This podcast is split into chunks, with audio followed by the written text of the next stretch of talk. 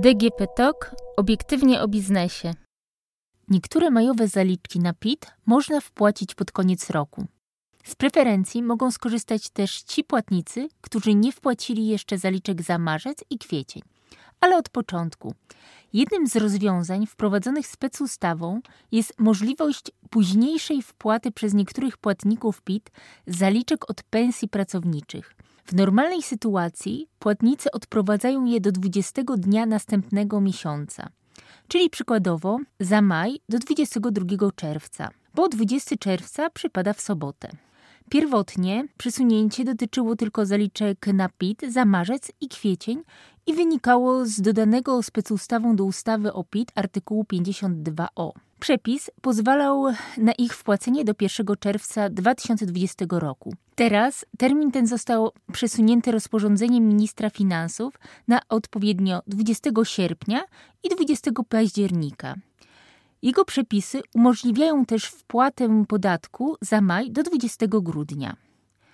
Chodzi tu o rozporządzenie z 1 czerwca 2020 roku w sprawie przedłużenia terminów przekazywania przez niektórych płatników zaliczek na podatek dochodowy i zryczałtowanego podatku dochodowego, opublikowane w Dzienniku Ustaw pod pozycją 972. Wielu płatników mogło nie skorzystać z kolejnego odroczenia terminów wpłaty zaliczek za marzec i kwiecień, bo zmiana została wprowadzona na ostatnią chwilę. Projekt w tym zakresie został upubliczniony dopiero 29 maja, a podpisane przez ministra finansów rozporządzenie pojawiło się w dzienniku ustaw dopiero 1 czerwca około godziny 17. Od razu w momencie publikacji zmiany weszły w życie. Jeżeli komuś nie udało się w porę wyłapać tej zmiany, to nadal może skorzystać z odroczenia zaliczek za maj, czyli wpłacić do 20 grudnia. Przypomnę jednak, że preferencja nie dotyczy wszystkich zaliczek na PIT i wszystkich firm. Odroczenie obejmuje tylko przychody osiągnięte ze stosunku pracy, pracy nakładczej lub spółdzielczego stosunku pracy. Wypłacane przez zakłady pracy zasiłki pieniężne z ubezpieczenia społecznego przychody z praw autorskich i praw pokrewnych. Dotyczy też przychodów z działalności wykonywanej osobiście, o której mowa w artykule 13 punkt 8 ustawy o PIT. Oznacza to, że chodzi jedynie o osoby zarabiające na podstawie umowy zlecenia lub umowy o dzieło.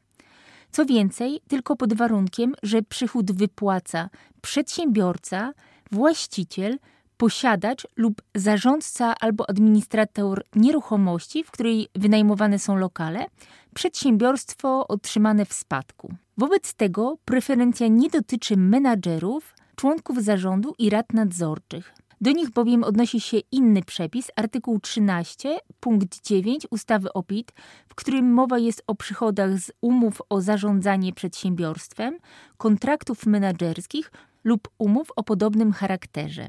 Przesunięcie terminów wpłaty zaliczek na PIT nie dotyczy też przychodów z działalności wykonywanej osobiście, np. osiągniętych przez biegłych i radnych oraz tych, którzy uzyskują przychody od zagranicznych firm i sami obliczają za siebie oraz wpłacają do urzędu zaliczki na podatek. Oczywiście przesunięcie nie dotyczy też zaliczek na PIT, które od swoich dochodów wpłacają przedsiębiorcy. Firmy, które chcą skorzystać z preferencji odnośnie zaliczek pracowniczych, muszą więc podzielić ich kwoty na te, których wpłatę mogą odroczyć i te, które trzeba zapłacić w standardowym terminie. Należy też pamiętać, że nie jest to rozwiązanie dla wszystkich płatników, ale tylko tych, którzy ponieśli negatywne konsekwencje ekonomiczne z powodu pandemii COVID-19. Przepisy nie definiują tego pojęcia, ale jak przyznało Ministerstwo Finansów w wyjaśnieniach opublikowanych na swojej stronie internetowej, jest to celowe. U każdego podatnika, płatnika, negatywne konsekwencje ekonomiczne z powodu koronawirusa mogą przejawiać się w inny sposób. Natomiast ocena tego kryterium u poszczególnych podmiotów może być odmienna. Chociaż, jak twierdzi resort, musi być ona oparta na całokształcie okoliczności dotyczących danego podmiotu. Ministerstwo podało przykładowe przesłanki, bo nie zawsze musi to być spadek przychodów w porównaniu z poprzednim miesiącem bądź podobnym reprezentatywnym okresem. przedsiębiorstwo może odczuć negatywne konsekwencje, mimo że nie odnotowało spadku przychodów. O pogorszeniu jego sytuacji może świadczyć rezygnacja kontrahentów z kontraktów, które miały być wykonane w późniejszym okresie i miały spowodować wzrost przychodów.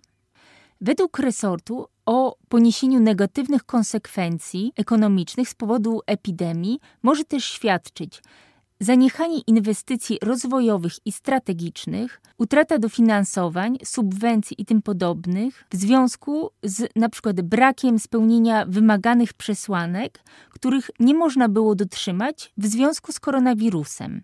Utrata płynności finansowej przy zachowaniu działalności na dotychczasowym poziomie w związku z brakiem płatności od kontrahentów.